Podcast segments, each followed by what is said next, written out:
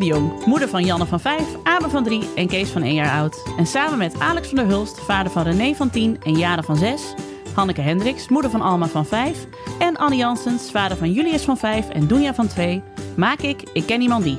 Een podcast over ouders, kinderen, opvoeden en al het moois en lelijks dat daarbij komt kijken. En vandaag bellen we met Hans Duvekot, gynaecoloog, perinatoloog bij verloskunde en gynaecologie in het Erasmus MC Sophia. Uh, jongens, als jullie iets horen, Alma is ziek thuis vandaag. En ze is op dit moment met blokken aan het spelen. Ik herhaal, met blokken. Dat is geluidtechnisch niet het handigst, maar goed. Nee, de is deur het, zit dicht, maar, maar af en blokken toe is, is neem ik aan een iPad-app ja, toch, die net is nieuw dat. is. is Roblox. ja. een soort Candy Crush. Ja. Nee, met ouderwetse blokken. En ze is ook... Uh, Volgens mij, ze komt ook af en toe binnen en dan pakt ze hier iets van, het, van haar knutseltafel. Bouwt dus als jullie is ze een televisie aan het bouwen? Ja, een tablet. nee, maar ze is ziek, maar ze is toch niet zo ziek als dat ik dacht vannacht. Heeft ze corona? Nee, volgens oh. de zelftest niet. Ik heb een, maar uh, ja. Een, vriendin van mij, haar zoontje, die wilde niet naar school. Dus die had een rood streepje getekend bij zijn coronatest. oh, wat zoet. Maar dat vind ik echt zoet. Een hele dikke stift. Dus dat viel totaal niet op. dat, is de, dat is zeg maar de 3.0 variant van de thermometer ja. tegen de, lamp, tegen ja, de tegen peertje. Want dat werkt natuurlijk niet meer met al die ledlampen. Nee. Je... die 48 graden koorts die je ja. Maar vindt Alma dan zelf dat ze naar de dokter moet? Want Dunja heeft het elke dag over de dotter. dotter. Dan laat ze iets zien en dan zegt ze, papa, dotter, dotter. Oh, nee, want Doris doet de zelftests hier en die is echt, is echt nou echt uh, traumatisch. Zij steekt die test echt tot, in de, tot die bij de oor eruit komt. En wij doen nou oh, dat, ja. dat Jan het gewoon zelf mag doen en wij coachen haar dan wat, maar dan gaat het goed. Maar die wordt helemaal gek als, jij, als ik het zelf doe, want dan, ja, ah, man, dat werkt nee, gewoon niet. En, en dan weet ik niet ja. of het nu heel accuraat is. Het zal vast accurater kunnen, maar denk liever dit dan. Uh, ja, mijn uh, ondergrens is dat ik in ieder geval het watje in de neus zie verdwijnen. Want uh, verder gaat het ook niet. Bij René dan. Een jaar en die steekt hem ook echt in de frontaalkwap ergens.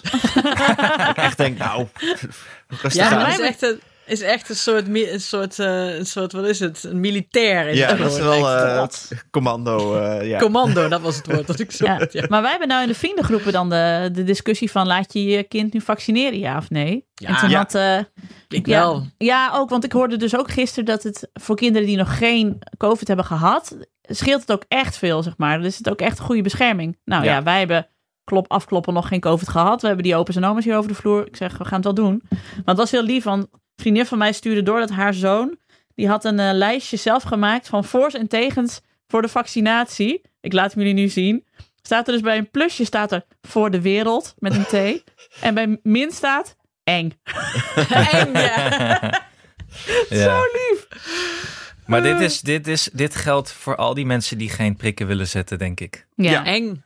Maar nou, ik, vind een, ik, vind een, ik, vind een, vaccinatie veel minder eng dan een uh, dan Ja, maar er zijn mensen, neus. Hanneke, uh, dat weet ik uit uh, de, erv de, ervaring van de prikkers. Die zitten twee uur met een prik angstige soms en wordt de prik nog niet gezet. Ja, en ik zal... Dit, wat, een prik, bedoel... Ja, maar nee, Hanneke. Ja, maar je bent nu een... een dat kan... Het is gewoon echt een nee, maar Hanneke, enorme jij bent helemaal gebrainwashed thuis ja. door, die, door die huisarts die daar rondloopt. Dus ja. jij, hebt hier, jij kan hier niet over meepraten.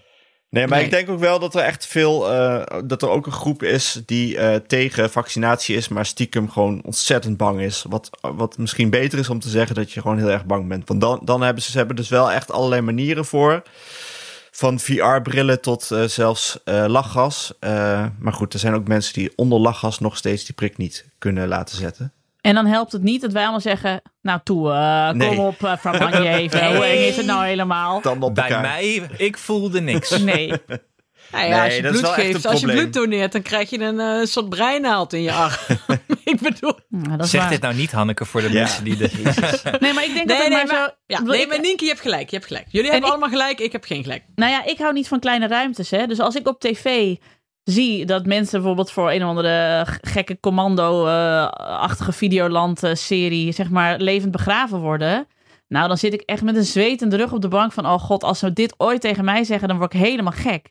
Oh, ze vroeg en... laatst iemand of ik nog iemand kende voor de nieuwe versie van Fort Boyard, waarin je in zo'n kist met spinnen, nou, dit, ik heb ik jouw naam genoemd. Mij ja, maar dit bellen. maakt Nienke wel interessanter voor Wie is de Bol. Want er, is dus een, eh, er zit dus iets in die kandidaat. Dat, eh, is het dan aan het mollen als je in een kleine ruimte moet? Ja, nee, ik hou de- wij weten van nee, de luisteraar van ik en hem niet weet. Nee, dit is oprecht. Dit is oprecht. En ik zal me vermannen, maar ik, ik snap wel, zeg maar, als het niet de vaccinatie zou zijn, maar ze zou zeggen, nou, tegen corona moeten we allemaal ons leven laten begraven, zou ik ook zeggen, nou, ik wacht even af, rustig geloof aan, ik of dat wel moet. is het echt nodig? Ja, Kan even ik kijken wat de? Amerikanen doen. Ja, nou, inderdaad. Ja, oké, oké. dat heb ik met mijn hoofd onder water. Nou, hier, zie je wel. We hebben allemaal ik, ben, zoiets. ik ben ook erg, ik ben heus wel ergens bang voor. Oh, dat zei je bij, bij diploma A. Nou, ik geloof niet... eh, ik heb alleen maar diploma A, ja. Ik, ik kan geloof echt niet niet dat dit werkt zo met die door die hoepel zwemmen. Dat, Nee. eh, Maar voor de luisteraar die zich afvraagt waarom we het niet over mijn home trainer of elektrische vouwfiets hebben Ja. op dit moment. Heel goed. Eh, we hebben net met een dokter gepraat. Een dotter, zo- dus zoals Doenja zou zeggen. Een dotter. En het is Een een dotter. dokter Maar- Hans Duvekot van We- de gynaecoloog. Ik wil even hem introduceren, Sorry, Alex. sorry. Weet je er doorheen te pruppelen. Het was eh dokter Hans Duvekot en hij is gynaecoloog eh, in het eh, Erasmus MC eh, Sophia. Ehm, en we hadden een gesprek met hem over het vaccineren van, van zwangeren. Het vaccineren Ja. tegen COVID, hè? Wat een leuke man was Ja, dat. dat toch? is Heel heel, leuk. leuk. Maar dat gaan jullie zo wel horen. Maar het is ook heel interessant voor mensen die gewoon geïnteresseerd zijn in... Jeetje, hoe werkt zoiets nou? En wat, eh hoe, Nou, het, er nou het blijkt dus ook... het is ook nog interessant voor de toekomstigen... die dus eh, waarschijnlijk een griepprik en een eh kinkhoestprik gaan krijgen... en zwanger zijn. Ja, wil, eh, kunnen krijgen, inderdaad. Kunnen Ja. krijgen, ja. Ja, dus alles over zwangerschap en vaccinaties en eh, problemen rondom je zwangerschap eh, met betrekking tot COVID, dat kun je allemaal zo meteen eh, horen. Wat Komt er zo aan. Lekker Eerst wil hè? ik even vertellen, jongens. Ik Nou. wil toch nog even heel kort. Ik loop dus elke ochtend naar de vijfde verdieping van mijn nieuwe kantoor. Oh, en dat zijn oh, 100 oh, traptreden. 100 traptreden, elke Oh, je dag. hebt hè? geteld. Ja. En dan kom ik hier aan en we hebben het net de hele tijd over beademingen gehad met dokter uh, Duvkot. Nou, zo voel ik me dan ook een beetje hoor. Alsof ik wel even, Ja. eh, Ik weet uit betrouwbare bron dat Alex heeft geregeld dat eh, Laura, eh, dat is eh, onze office manager, die staat dan eh, boven aan de trap met een handdoekje en een eh, bidonnetje klaar. Nou, en die ja. klapt hem op zijn rug en die zegt, goed gedaan Anne, wat ben ik toch trots op jou. En die zet Eye of the Tiger op. ja, en, een zo'n mond- erehaag van mensen met hun armen zo. Ja, en- zo'n mondkapje hè, voor, een paar, voor een paar pufjes nog. ja, Ja. ja. Precies. Hey, Maar ik vond het nee. wel mooi uit het... Oh, sorry Alex, zeg je Oh, maar. nou ja, ik was nog bij het vorige punt wat ik niet mocht maken. Maar eh, nee, hier wordt er niet gevaccineerd. Bij de kinderen. Wat? Maar René wil Nee? niet. En eh, ik ga het ook niet afdwingen. Nee, het is, Oh, ze is oud genoeg, ze mag het ook zelf. eh, Ja. En ik, ik zie dat er wel wat minpunten aan kleven. Maar ja, die nemen we maar op de koop toe dan. Minpunten aan niet vaccineren bedoel je Ja. dan, hè? Precies. Ja, laten we voor de duidelijkheid. En jaren wel dan? Of Ja, dat weet ik niet. Als die er Ja, geen nee. probleem van maakt, kun je die natuurlijk gewoon meenemen. Maar Kan, ja. Maar ik zit me, ja, ik zit me toch een beetje af. Ja, je, je verkleint die kans op die eh, MPC. Wat is het? M, MCR? Volgens mij is dat het toch vooral dat je, het, eh, da- dat je daarom vaccineert. En dat het je de familie veel eh, ongemak kan besmaren. ja, wij vaccineren vooral om, zeg maar... Wij hebben de, de mazzel dat de ouders en de schoonouders nog altijd oppassen. Ik voel me erg verantwoordelijk ook voor hun gezondheid. Ehm, dus eh, zolang zij bij ons oppassen en eh, COVID is around, dus eh, doen wij er gewoon alles aan om hen zo veilig mogelijk te houden. Dus we boosteren allemaal en dus moet Janne er ook aan geloven. Gelukkig is ze nu niet thuis, dus kan ze dit nu niet horen. En luistert ze sowieso geen podcast, dat scheelt. Want die heeft er geen zin in. Oké. Maar goed. Nee, maar dat- Alex, misschien kun je even dat plaatje aan eh, laten zien thuis. Van eh, Voor de Wereld en Eng, de plus en de min. Oh, Ja. ja. kan. En misschien helpt het. Want eng, eng, ik vind eng, ja, het is een reden, maar dat, daar moet iemand, kinderen moeten er ook overheen. Ja, nou, dat is bij René niet zo eh, vanzelfsprekend al overheen. Dat, eh, de, bij haar negenjaarsprik is dat ook een heel lang traject geweest. Dus dat vind ik iets te makkelijk in dat geval. Die heeft er Ja, een dat jaar... is ook makkelijk voor mij om te zeggen, want ik heb er niet mee te maken. Ja. Maar het is wel wat ik vind. Nou ja, Julius moet toch ook, die kan toch ook, die is ook al vijf. Die vindt alles eng, maar die, eh, die, ja, dat moet wel. Hij moet ook elke dag een hapje van iets eten wat hij niet lekker vindt. Ja. Dit is totaal ongerelateerd, maar hij moet. je- Ja, ik vind eng. Ik vind het gewoon zelf niet genoeg een reden om zoiets niet te doen. Nee, ja, Dat is oké, mijn- maar je hebt het verschil tussen eng en tussen compleet in paniek raken en weigeren. En eh, wat goed, dat heb je dus bij die negenjaarsprik en eh, ook bij Is er, is er nog een prik eigenlijk? Vierjaarsprik? Nee, negenjaarsprik. Ja, vier jaar is dan de laatste en dan negen weer. Negen, ja. Ja, negen kunnen ze ook gewoon weigeren. En eh, dan kun je dus twee dingen doen. Of een kind in de houtgreep nemen en, en onder dwang een prik laten zetten. Maar volgens mij is, is dat hetgene waar de mensen met enorme prikangst ooit eh, traumatisch van zijn geworden. Dus dat lijkt me niet optie. Maar je hebt toch ook zat mensen die onder dwang een prik hebben gekregen en er niet traumatisch nee, van zijn ja, geworden. klopt. Maar Dus ik ben het wel een beetje met Anne eens. Maar je moet, iedereen moet zelf weten. Ik bedoel, ik heb, wat ik zei, ik heb Daar ben ik het dan weer niet mee eens, Hanneke. Nee, ik heb zo- antivaxers onder mijn beste vrienden. Maar, zou ik, vind jij het, ik vind zelf wel... zou jij Alma in de houtgreep nemen voor als ze negen Nee, is? maar we hebben haar eergisteren nog in de houtgreep Ja, nee, genomen. als ze om die negen stokken is. tot de... Als ze 9 is, ja, dat maakt toch, geen, maakt toch niet uit? Nou Ze is ja, er nog geen dat- 18 dan? Of 16 of 14? Ja, Nee, zolang ik het een vind- kind nou, is, nee, weet nee, jij beter nog, eh, als wat zij, er moet Als zij gebeuren. 12 is, krijgt zij ook een HPV-prik. Of ze daar Oh, nog zin in heeft of zeker. niet. Die Ja. HPV-prik, daar gaan Geen, echt eh, nul discussies geen over die HPV-prik. Nee. Nee, maar goed, ze En krijgt ik- die prik al. Het gaat mij over de, de fysieke eh, actie van het in de houtgreep nemen van een kind. Ja, eh, je neemt toch Eh, een keer je, je kind in de houtgreep. Wat is- maakt het nou uit? Nou, maar nee. is Ik vind echt dat een beetje overdreven. Nee, dat is niet waar. Dat is, doe je toch ook met die. eh, dat, dat heeft Anne ook meegemaakt met die antibiotica. Je kan, dat, je dat, dat je dat in de mond gaat duwen. Ja, als het dan Ja, uitspuwen. het is heel ja, kut, zin. maar dat zijn ze wel weer. Ik denk dat dat, dat zijn ze Maar- wel weer vergeten. Maar is omkopen nog een, een optie? Ik ben altijd erg Altijd voor omkopen. optie, Ja, Ja. Eerst omkopen. Altijd eerst omkopen. Ja, wij kopen allemaal ook om met, eh, met, een, met een stokje in de neus. Dan krijgt ze Ja. echt heel veel snoep. Dus wat dat betreft is het natuurlijk ook niet zo... Nee, Alex, ik snap, het, ik snap wel wat je bedoelt hoor. En ik wil het ook allemaal niet wegwuiven. Maar aan de andere kant... Ik zou het zelf wel doen, laat ik het zo zeggen. Denk ik. Maar spreek me nog eens als het 9 is. Misschien eh, zeg ik dan Ja. wel van... het hangt eh, ook heel erg van het kind af. Weet je, wij hebben dus, ja, we moeten nu Janne, dus die is vijf. En bij Janne kun je die kun je inderdaad nog wel omkopen of wat dan ook. Bij Abe zou het alweer veel lastiger zijn. Als die niet wil, dan heb je echt eh, een groter probleem, zeg maar, met overtuigen. Gewoon omdat hij een wat stevigere mening heeft. Ik weet niet van wie die dat heeft, maar het is heel apart. Heel raar. Heel Heel raar. raar. Aan de andere kant is hij ook net zo opportunistisch als zijn moeder. Dus misschien als ik dan zeg, oké, eh, drie dino's, drie dino's vaccineren, oké. Dat hij ook gaat onderhandelen. Hij zegt Ja. Zo vijf. van, nee, nee, nee, vijf. Ja, dan Vijf. zegt hij vijf dino's en dan zeg ik oké, vier Oké, oké, akkoord. nou, we gaan. is ook goed voor later leren, leren onderhandelen. Ja, precies. Nee, Alex, ik snap echt wel wat je bedoelt. Maar ja, het is ook wel weer niet alsof je er een been afzaagt. Het gaat om een prikje. Zoveel Nee, maar ja, nee, niet. goed. Ik vind bij negen, dan ben je wel echt met vertrouwen ook al bezig. En als een kind dan weet van, oké, ik word gedwongen tot iets wat ik echt niet wil, dan ja... Dan vind ik het dan wordt- er worden, worden meer dingen lastig. Hoe het met zelfstandigheid zit en, en dergelijke. Ach, wat, wat. nee, dat is, dat is serieus, Hanneke. Je gaat Ja, weet ik, maar ik, Ja. ik vind... Ik vind ik- Han, je kunt deze kans ook even achterwege laten. Gewoon bedenken, ja, Alex heeft gewoon een kind van negen. Wij hebben geen idee hoe het is om een kind Nee. van Ja. negen te hebben. ja, nee, is oké, je hebt gelijk, je hebt gelijk. Je hebt gelijk, ik hou op. Ik hou op. En het is een ander, het is echt een verschil tussen te gaan proberen en kinderen te overtuigen, wat ik dan wel doe, en, en ze echt fysiek dwingen tot iets. Ja, ja, ja. Tien, toch? Is ze negen? Tien, ja. Tien. Nee, ze is negen. Ze is negen. Nee, dat ik daar ook Ik over zeg gewoon een jaar en ervoor zelfs dat ze tien is, jongens. Kom op. De wij hebben het over de Vanaf negen... het begin al van deze podcast was ze tien. Dus ik We hebben niet het, dat ze we hebben negen het zijn. over de negenjaarsprik uh, en het, het gaat over een tienjarige. Oh, Volgens mij heeft Alex helemaal geen kind. Volgens mij is dit Nee, gewoon een groot complot gezien ook, ja. van de antivax-beweging. Om je te Dus dat hij infiltreren. uiteindelijk dit kon zeggen. Die, ja, die Rare tekening heb je zelf gemaakt, Alex, Ja. die je nu laat zien. Dit, Voor eh, boze papa dat- is dit, hè? je net boze- gemaakt. nee, voor, Voor van boze jaren, voor, Voor- voor rare papa. Ja, dat is het. Oh. Ik denk dat dit, raar, Ja, dat ja. dit eh, rare jaren... Oh nee, boze jaren was. Ja, dit is duidelijk boze jaren Ja. wat we hier zien. Wacht, nee, laat hem even, En- want ik maak je ook even een foto van. Mag ik dan even een huishoudelijke mededeling eh, nog hier droppen voordat we naar eh, dokter Duvekot gaan, die uitlegt waarom je als zwangere vrouw wel absoluut moet laten vaccineren. Eh, en dat is, we hebben een geboortekaartje gekregen. Yay! Dat is altijd leuk. Vinden we altijd leuk om geboortekaartjes te krijgen van Dorian. Dorian is geboren.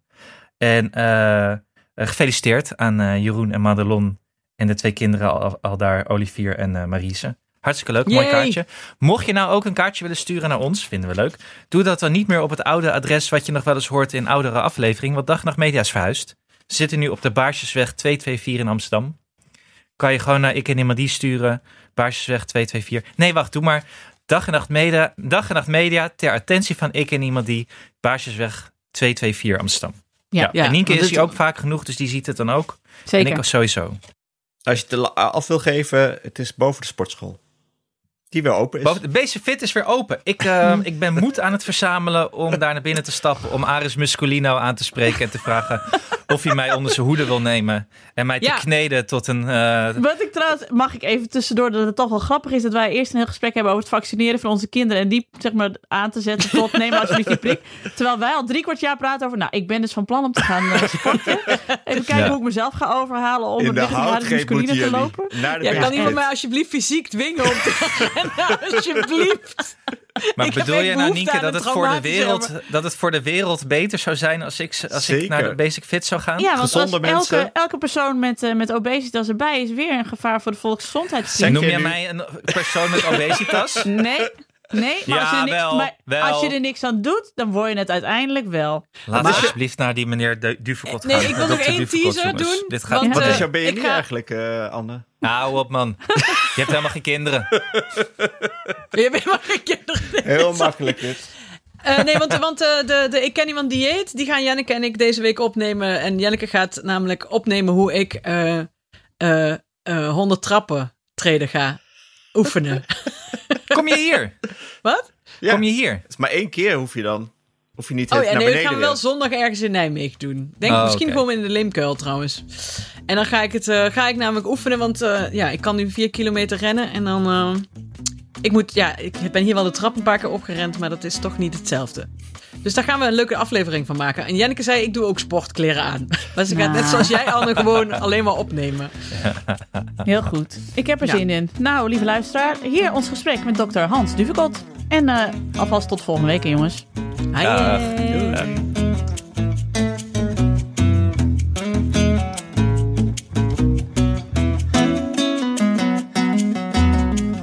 Yes. Ja, want we gaan dan meteen los. Dus ik- wat, Ja. wat ik zeg wordt meteen dan... eh, Nee, maar we leiden u er gewoon doorheen. Dus ja, dus je ik hoeft moet op eigenlijk mijn niks te woorden doen. letten. Ja, nee, dat is...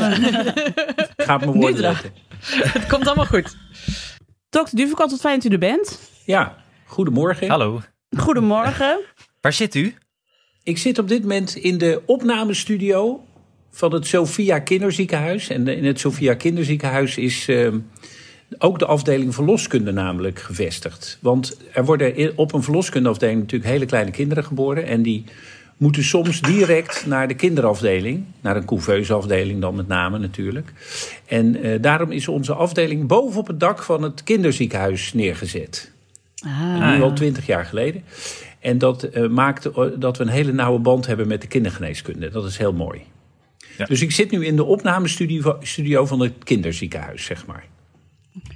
En nu zouden we het natuurlijk heel graag met u over babytjes willen hebben, want we praten graag over babytjes. Ja, want het is ongeveer het leukste, het leukste onderwerp ter wereld, als het alles Vind- goed gaat. Vind jij?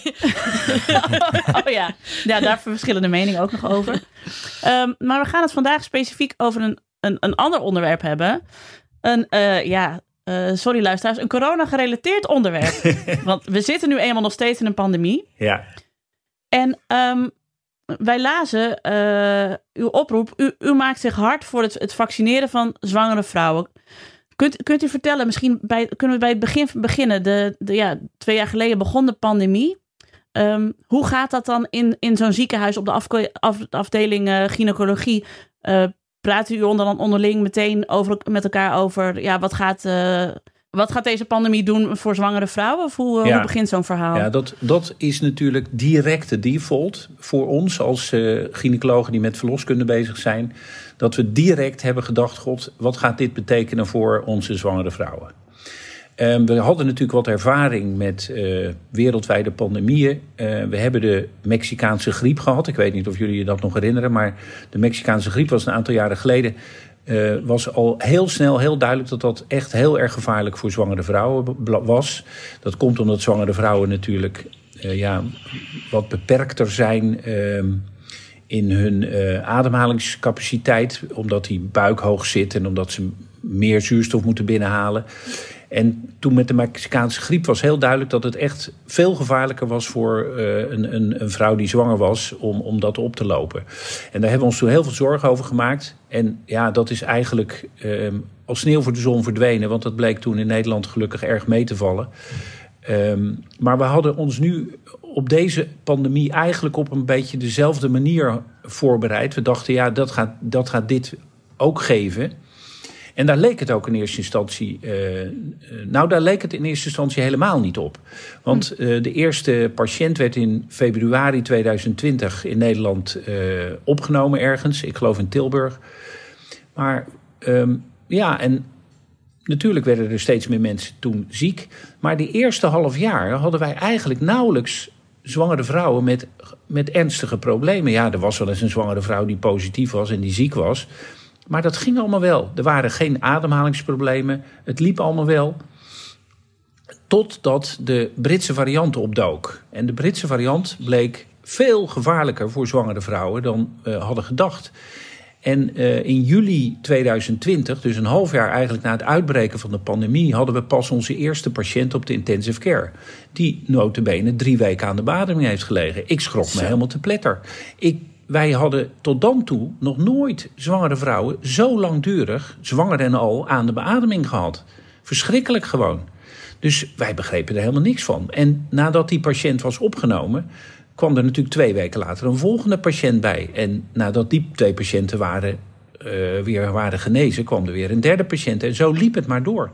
Dus eigenlijk vanaf juli 2020 tot nu hebben wij continu, continu één vrouw, twee vrouwen op de intensive care gehad. Tot uh, medio 2021. Uh, toen uh, kwam de Delta-variant. En toen bleek het dat de Delta-variant, die bleek besmettelijker, maar nog gevaarlijker voor zwangere vrouwen. En dat leidde ertoe dat we tot op een bepaald moment zelfs vijf zwangere vrouwen tegelijk op de IC hadden.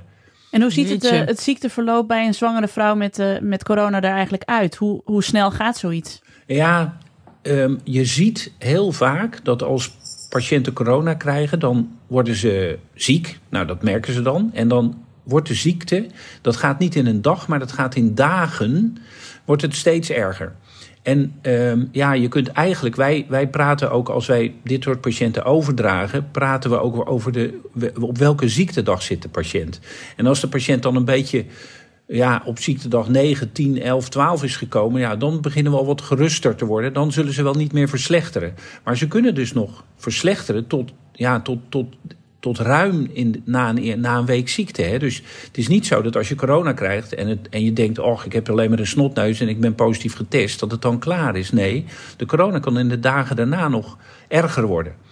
En als die erger wordt, dan kan dat heel snel toenemen. Heel snel. Dus we hebben zelfs één patiënt op de intensive care moeten opnemen die thuis ja, al een paar dagen corona had. En die werd steeds benauwder en benauwder en benauwder. En op een bepaald moment kreeg ze thuis zelfs een uh, ademstilstand, een adem- en hartstilstand, omdat ze niet genoeg kon uh, ademhalen meer. Dus, en toen heeft haar man heeft de ambulance gebeld en is er thuis een reanimatie gevolgd. En is die patiënt gelukkig levend in ons ziekenhuis gekomen. 30 weken op dat moment. Want het kind was wel in de, in de buik overleden omdat ze ja, zo benauwd was geworden. Dus om even ah, aan te geven dat, um, dat het heel acuut ook dan opeens kan verslechteren. Um, nou goed. Uh, tot, tot, uh, ja, tot, totdat nu de Omicron-variant uh, uh, zijn optreden, intreden doet, hebben dus eigenlijk continu tot, tot maximaal vijf patiënten tegelijk aan de, aan de beademing, echt aan de beademing gehad. En over het, het, het merendeel was, was al bevallen, of lieten wij bevallen, om ze zo snel mogelijk, ja, zeg maar, ja, in ieder geval het kind zo goed mogelijk te, kunnen, te kunnen behandelen. Maar soms kan dat niet. Een van onze vrouwen is zelfs, een zwangerschap duurt normaal 40 weken. Hè? En een van onze zwangeren kreeg corona en was 18 weken zwanger oh. toen ze aan de beademing moest. Ja, bij 18 weken is een kind nog absoluut niet levensvatbaar. Dus dan kan je wel zeggen, hup, we halen het kind er even uit en we, we laten die mevrouw even genezen op die C. Maar dat kon, dat kon toch niet.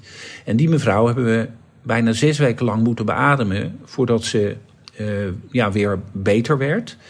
En die mevrouw is inmiddels thuis en dat gaat, gaat goed. Hmm. En uh, die heeft een boostervaccinatie al gehad. En ik, ik hoop dat we die ja, min of meer rond de uitgerekende datum kunnen laten bevallen. Maar en, die heeft dus een periode van bijna zes weken beademing op die C uh, achter de rug. Waarvan ze dus niks weet. Zo. Jeetje. En, en wat was het, uh, want daar speel ik nu advocaat van de duivel. Ik hoorde aan het begin zeg maar, van, de, van de pandemie dat, dat zwangere vrouwen dan zeiden... ja, maar ik ben toch verder heel gezond en ik heb Ja. geen overgewicht en ik heb geen onderliggend Nee. lijden.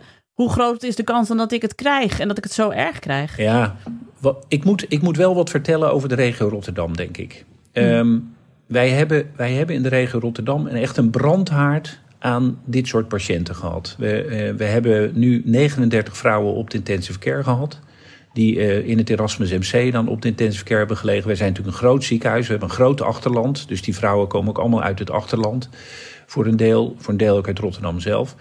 Ehm, en in vergelijking met de rest van het land is dat extreem veel. Dus eh, streken als eh, Noord-Holland, Amsterdam, Utrecht, die hebben echt veel minder van dit soort ernstige gevallen als wij. Het is daar een uitzondering. Terwijl hier het, ja, wij, wij, wij vinden het min of meer nu normaal. Dat klinkt een beetje raar, maar wij, wij, zijn, bijna, wij zijn bijna ervaringsdeskundigen geworden. Wat natuurlijk heel akelig is. Ehm, Maar het is, het is voor mij onduidelijk waarom in Rotterdam eh, er zoveel gevallen waren. Want laten we wel wezen, dat je iemand op de intensive care moet opnemen en aan de beademing moet leggen, is, is, ja, dat, is net zo, dat is net zo erg in Groningen als in Maastricht natuurlijk. Ehm, maar daar hebben ze nauwelijks van dit soort gevallen. Of veel minder in ieder geval dan wij.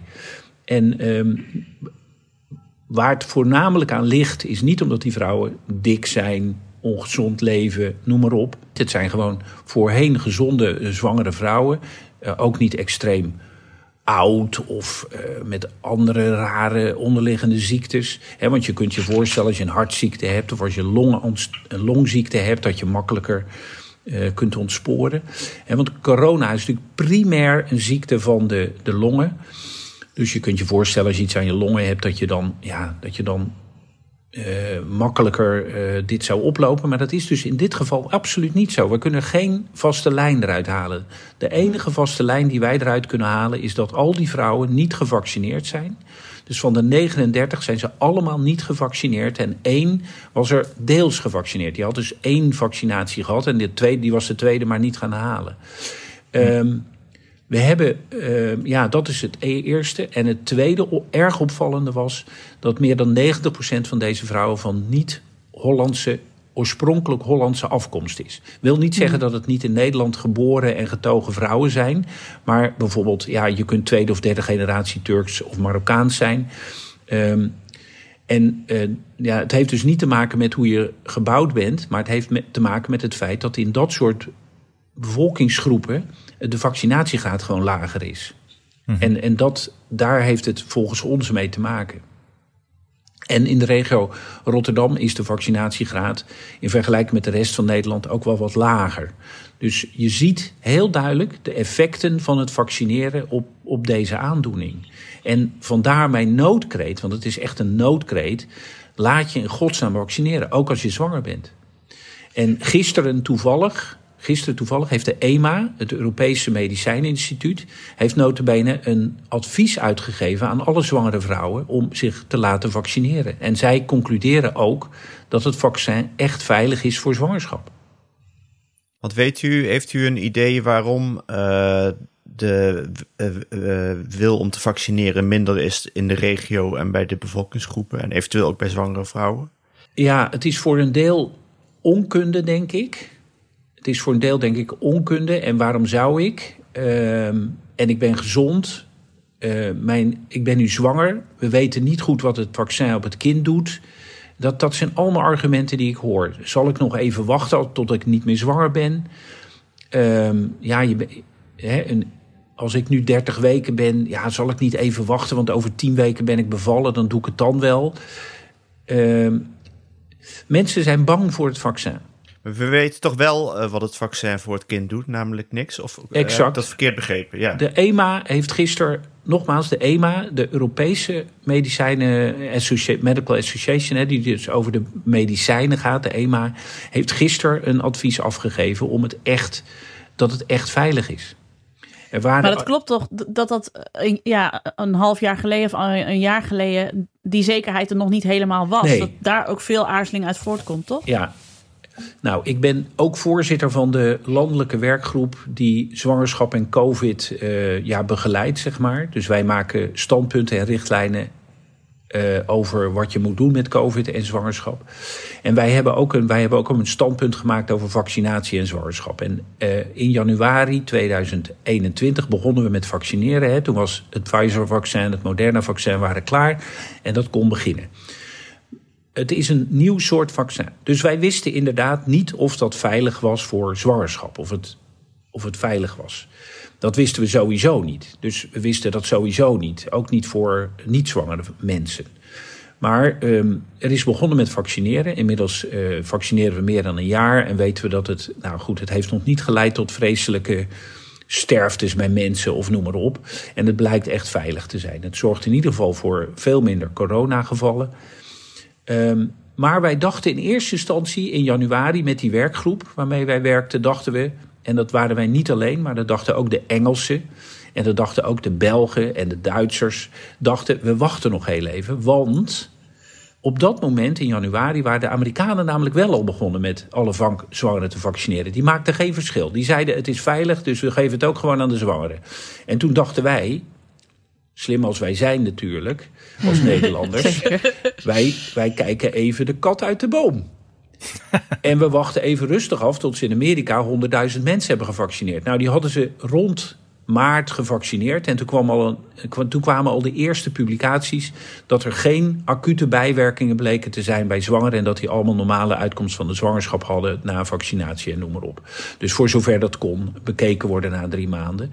En toen hebben Engelsen, Belgen en wij met elkaar allemaal besloten: we gaan nu advies geven te vaccineren. Dus we hebben eerst even afgewacht mm-hmm. en daarna zijn we gevaccineerd. En dat heeft, heb ik nu gemerkt, en dat zal ik.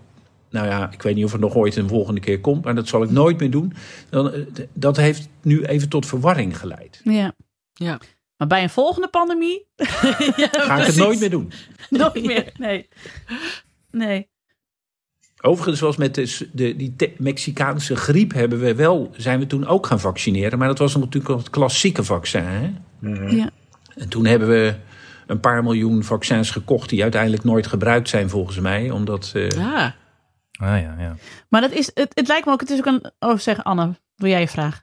Nou ja, we, we waren net even de, alle varianten aan het, uh, aan het opnoemen. We zitten nu met de Omicron variant. Ja. Die, nou, waaruit ik begrijp, heel uh, nog besmettelijker misschien wel is. Maar dat uiteindelijk wel minder mensen uh, op de intensive care terechtkomen. Lijkt het een beetje toch? Ziet u dat ook zo als het gaat om de zwangere vrouwen bij u? Ik ben heel optimistisch over de Omicron. Want ik zal jullie vertellen dat uh, rond de jaarwisseling hadden wij nog vier patiënten op de intensive care liggen en drie patiënten op mijn afdeling met ademhalingsproblemen echt serieuze ademhalingsproblemen, dus met zuurstoftherapie en noem maar op. En we zijn nu uh, zes, uh, ja, drie weken verder en uh, het is gewoon leeg. Er ligt nu nog van, de zwangere, patiënt. van de zwangere patiënten? Ja, drie ja van de zwangere ja. patiënten. Hè? Nee, nee, Ja, nee, zwangere patiënten, duidelijk. Uh, en het is nu leeg. Er ligt nog één vrouw op de intensive care die uh, er toen ook al lag. En die, uh, ja, die knapt niet op.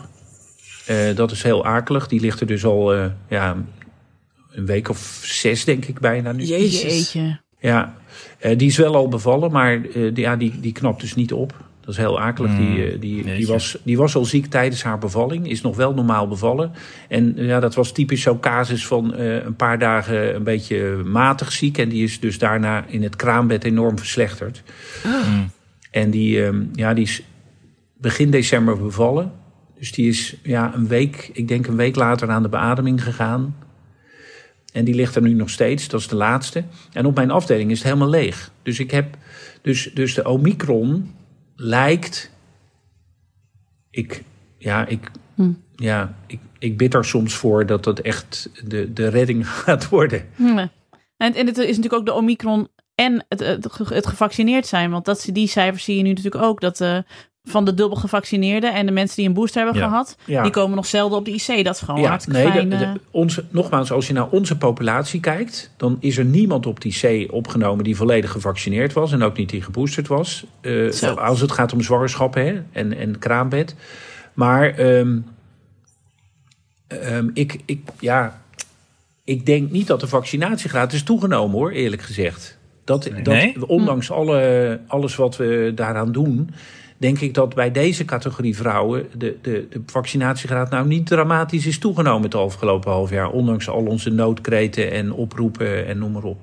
Nou lijkt het me ook, ehm, de groep zwangere vrouwen lijkt me een lastige groep Ja, om, om te kunnen overtuigen. En dat zit hem alleen al in dat het moment dat je zwanger bent, dat er dan 1600 boeken zijn die je kunt lezen met dit moet je wel doen, dit moet je niet doen, dit is goed voor je ongeboren vrucht. En daar zit, en, en dit juist weer niet. Er zitten ook allemaal dingen bij die nergens op slaan, maar die neem je dan weer toch weer tot je en je bent zo beïnvloedbaar als wat. Ehm, hoe probeert u die mensen te overtuigen dat dit wel het, het juiste is?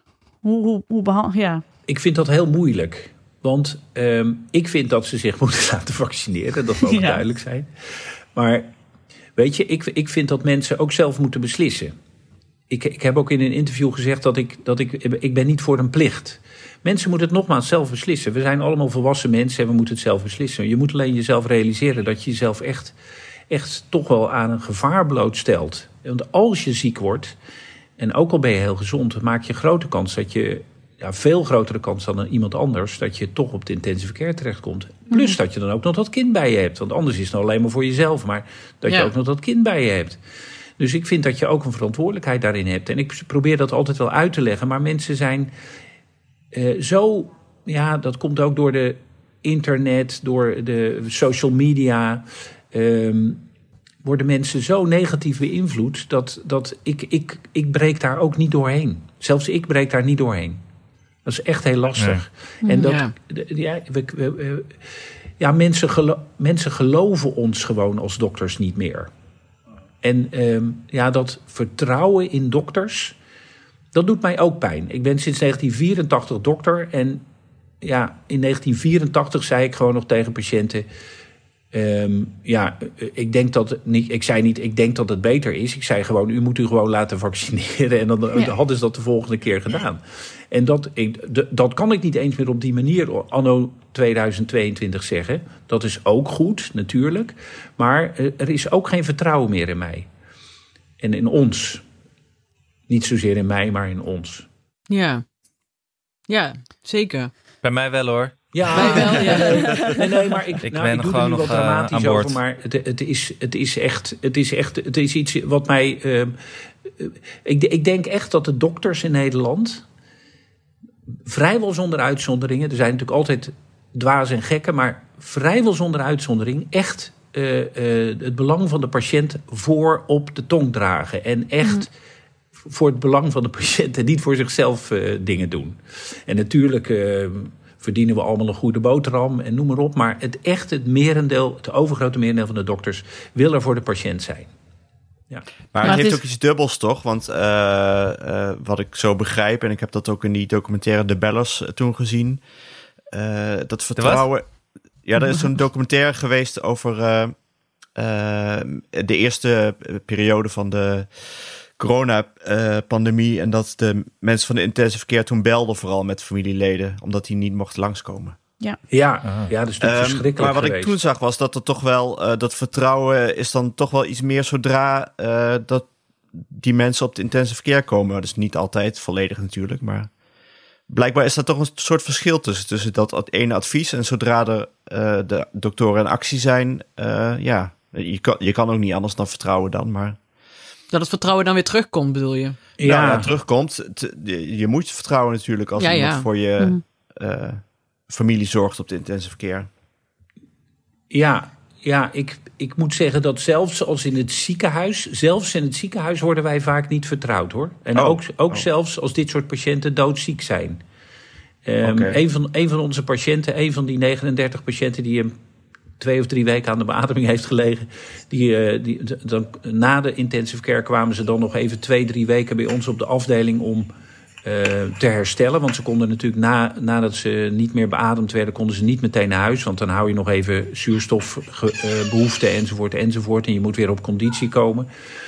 Dus dan hadden wij ze nog twee, drie weken bij ons op de afdeling liggen. En een van die patiënten beweerde zelfs dat ze toch geen corona had gehad. Echt? Oh, En, jee. en ja, weet je, daar was gewoon, ja, daar was gewoon geen Dat was Nee. gewoon niet aan haar uit te leggen. Dat ze dat wel, dat ze dat echt had gehad. Wat bizar. Ja, het is natuurlijk ook in, in tijden van zo'n van pandemie, zo'n grote stuurloze periode waar je eigenlijk met z'n allen in zit, is het voor sommige mensen gewoon fijner om te bedenken dat er een complot achter zit, want er zit er nog enige structuur achter, dan dat we allemaal maar hier doorheen proberen te komen. En eh, Dat is het misschien wel. De afweer van de patiënt van ja, maar dit kan niet het geval zijn. Dit is gewoon, dit heeft de CIA bedacht. Ja, dat kan. Ja. Ja. Mag ik iets vragen over de, over de baby's van de zwangere vrouwen die bij u op de intensive Ja. care hebben eh, gelegen? Eh, want u zegt net al een beetje dat een paar de, het, niet hebben eh, gered, die dan te vroeg eigenlijk gehaald zouden moeten zijn, denk ik. Dat ja. dat het is? Nou, de, nee, nee, dat valt volgens mij wel mee. Van Oh. de 39, van de 39 bij ons opgenomen, ernstig zieke, want dit zijn echt de kritisch zieke COVID-patiënten. ja. Van, die, van die 39 heeft er dus één, nogmaals heb ik net verteld, heeft een, eh, is het babytje overleden omdat moeder in een reanimatiesetting, zoals dat heet, is terechtgekomen. Ja. Eén kind is overleden omdat die was in het buitenland, die mevrouw. Die was op vakantie notabene. Die was 25 weken en die moest aan de beademing. En toen hebben ze in het buitenland haar niet... eh, ja, haar wel aan de beademing gelegd, maar eerst het kind er even uitgehaald. Bij 25 weken. En dat kind is dus overleden. En God. wij weten inmiddels dat je rustig patiënten met COVID kunt beademen. En soms zelfs wekenlang kunt beademen. Nogmaals, ik heb jullie net het verhaal verteld van die mevrouw van 18 weken. Ja. ja, ja. Ehm, maar dat, eh, dat was in het buitenland. En toen is die mevrouw is, ja, gerepatrieerd naar Nederland aan de beademing. Dus die heeft wel op ons IC gelegen. Maar die kwam ook uit onze regio. Maar die Ja. was dus Ja. even, even op vakantie elders. En ehm, ja, heeft daar haar kind gekregen. En dat kind is, omdat hij te vroeg is geboren, overleden. Ehm, en ja, wij proberen nu dus zoveel mogelijk... als patiënten aan de beademing moeten... Maar ik hoop dus met de Omicron dat het niet meer nodig zal zijn. Maar als patiënten aan de beademing moeten, proberen we ze tot, zeker tot 32, 33, soms 35 weken eh, ja, beademd te houden. En, en eventueel dan pas het kind geboren te laten worden.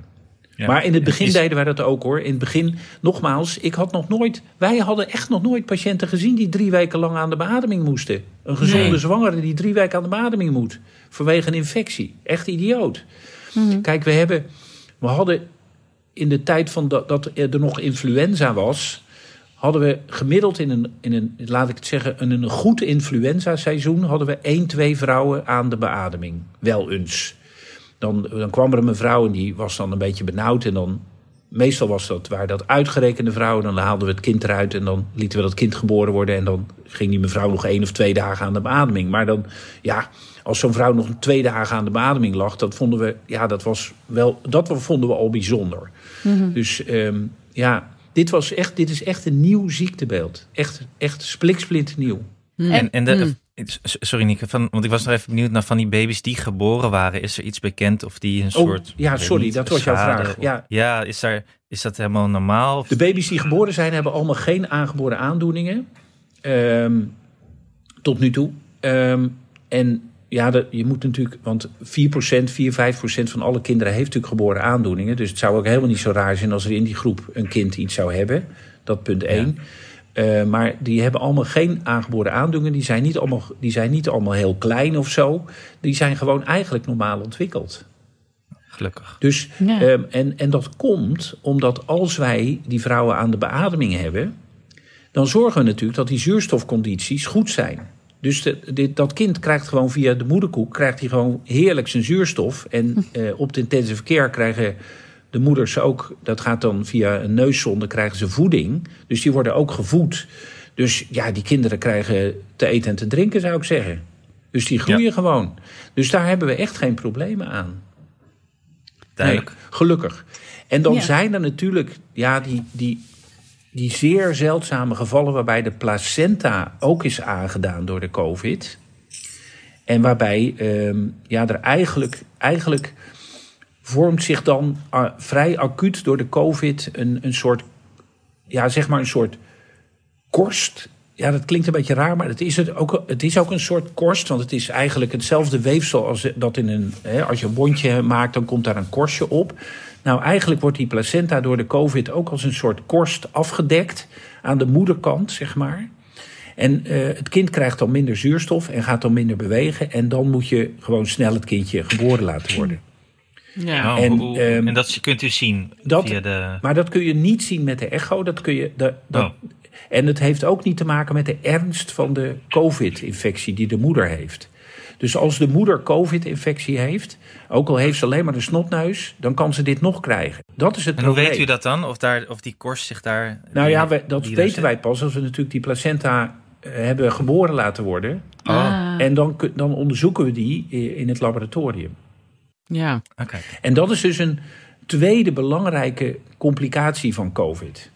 Dus de moeder kan heel ziek worden. En het tweede is dat er ja, eigenlijk die, die afdekking van die, met die korstlaag van de placenta, waardoor het kind niet goed. En dat kan zich ook in een paar dagen ontwikkelen. En dan gaat zo'n kind minder bewegen.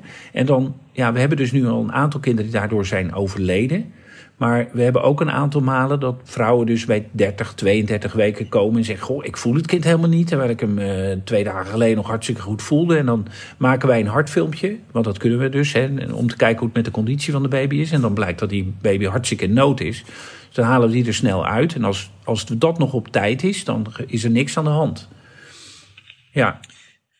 Ja. Dus zelfs bij een milde snotneus, ja, kan er nog hartstikke veel binnen verkeerd gaan, ja. Ja, dus, maar dus het advies is aan alle vrouwen die zwanger zijn en die COVID krijgen: let goed op je kindsbewegingen.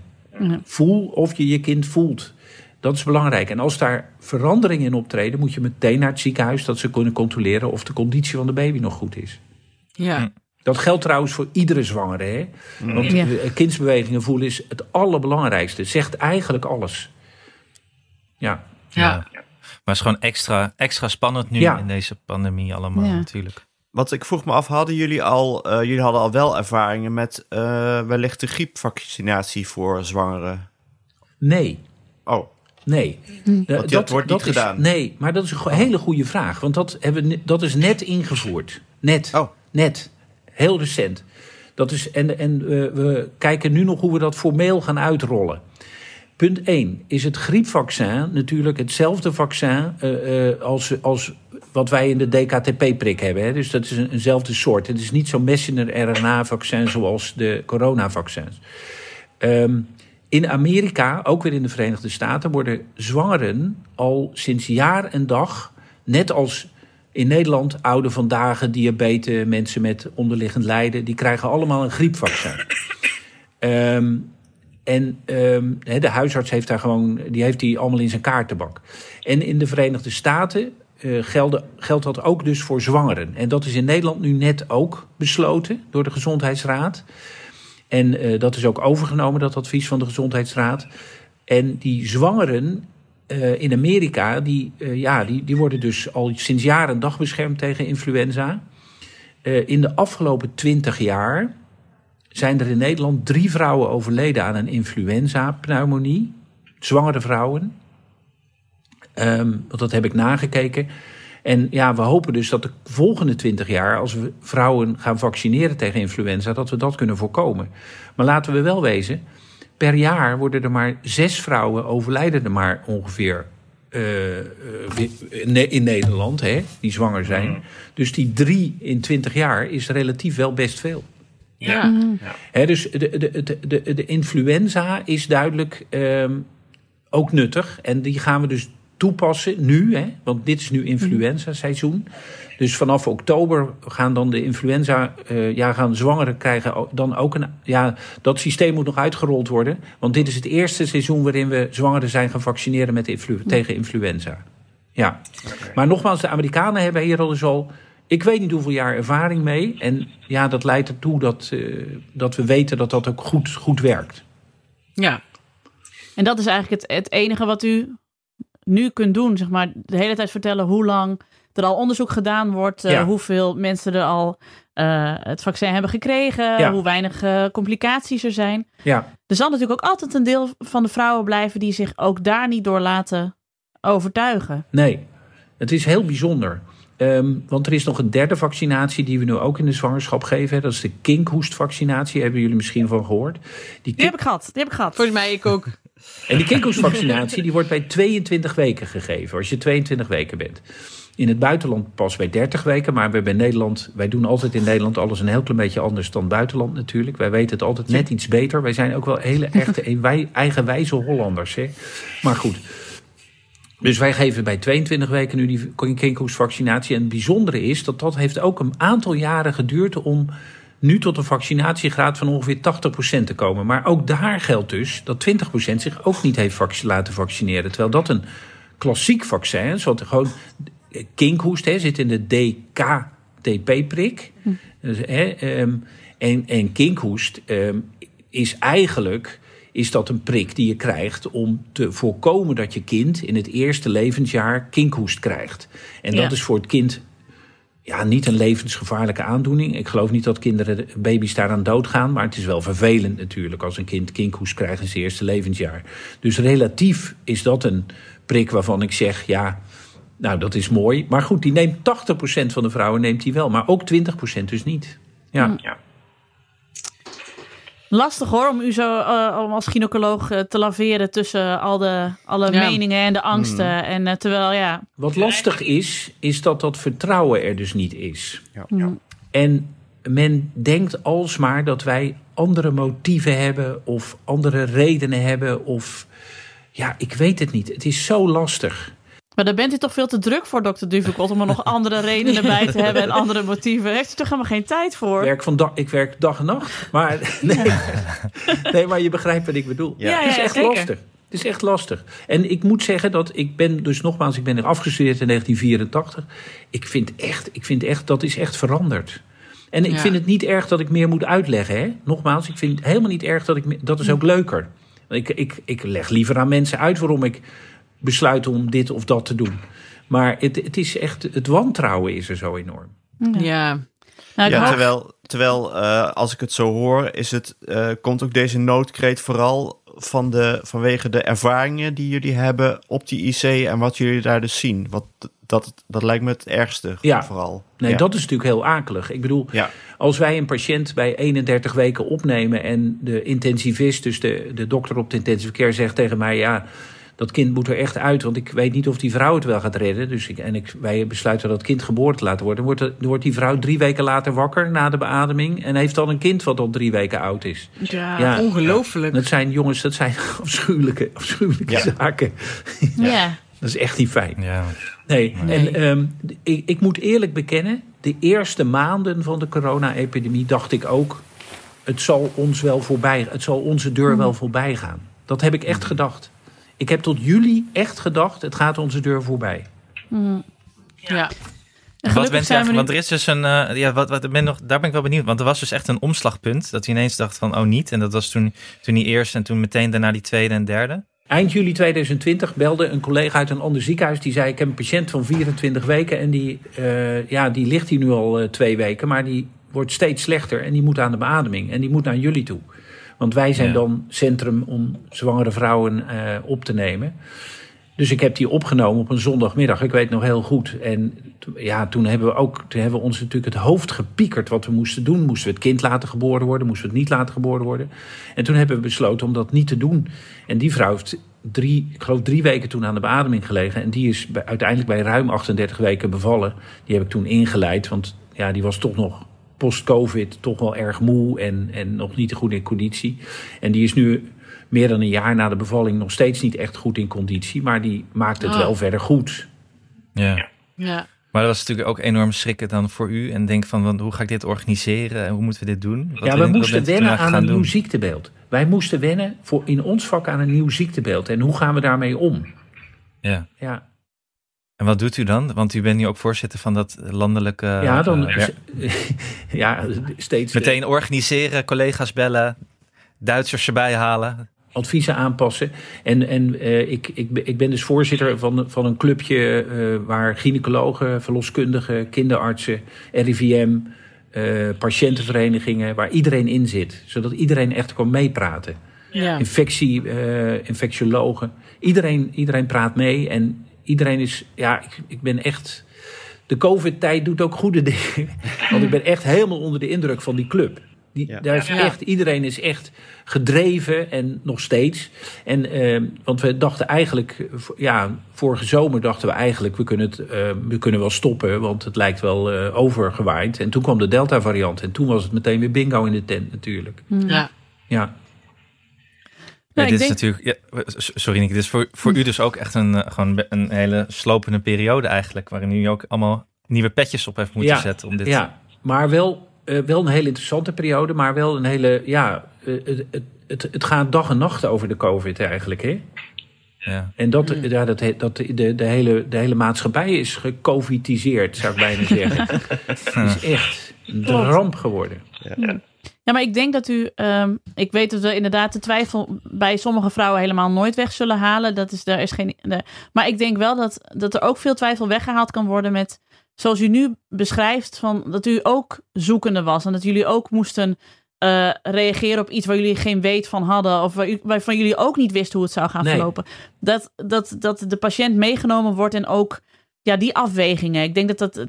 Het, geeft u een, eh, een zeer eh, eh, menselijk gezicht als u dat nog niet had. Maar, maar het geeft ook bij de, de patiënt, denk ik, aan van. We zijn, het, is, het heeft ons allemaal overvallen, deze pandemie. Ja, ja het heeft mij echt enorm. Maar nogmaals, nogmaals, ik had dit ziektebeeld nog nooit zo gezien. Zo'n ziektebeeld als dit. Nog nooit gezien.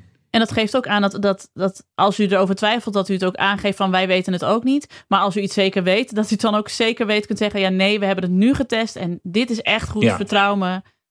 Neem alsjeblieft dat vaccin, want het, eh, Ja. het maakt meer kapot dan je lief is als je het niet doet. Maar Ja, ja. volgens mij, als ik zo. eh ja, ik ben wel veel aan het woord geweest, sorry. Maar Nee, maar Dat dat was ook de bedoeling. Dat Ja. was helemaal de bedoeling. Nee, ik weet niet. Wat, eh, we- weet u wel hoe weinig wij van geneeskunde weten? Ja. Ik ben blij dat u erbij zit. ja, ja, ja, daarom. Nee, ik, ik hoop dat we, dat we de vrouwen die misschien nog twijfelden. of eh, die hier meer over wilden weten. dat we hier, die hiermee hebben geholpen. Ik wil u in ieder geval hartelijk danken voor uw, eh, voor uw toelichting. En ik wil u heel veel succes en sterkte wensen met eh, uw patiënt Ja. in het ziekenhuis. En nou, we, we bidden met u mee dat eh, Omicron het begin van het einde is. Dat zou hartstikke fijn Ja, zijn. ja. Ja. En Hartelijk ik vertrouw in u, hè? dus dat is iets om aan vast te houden. Eh, jullie wel. Ja. Super. 100% vertrouwen hierin. Hartelijk dank, meneer eh, de dokter Duvekot. en werk ze vandaag. Ja, dankjewel. Oké. Dag.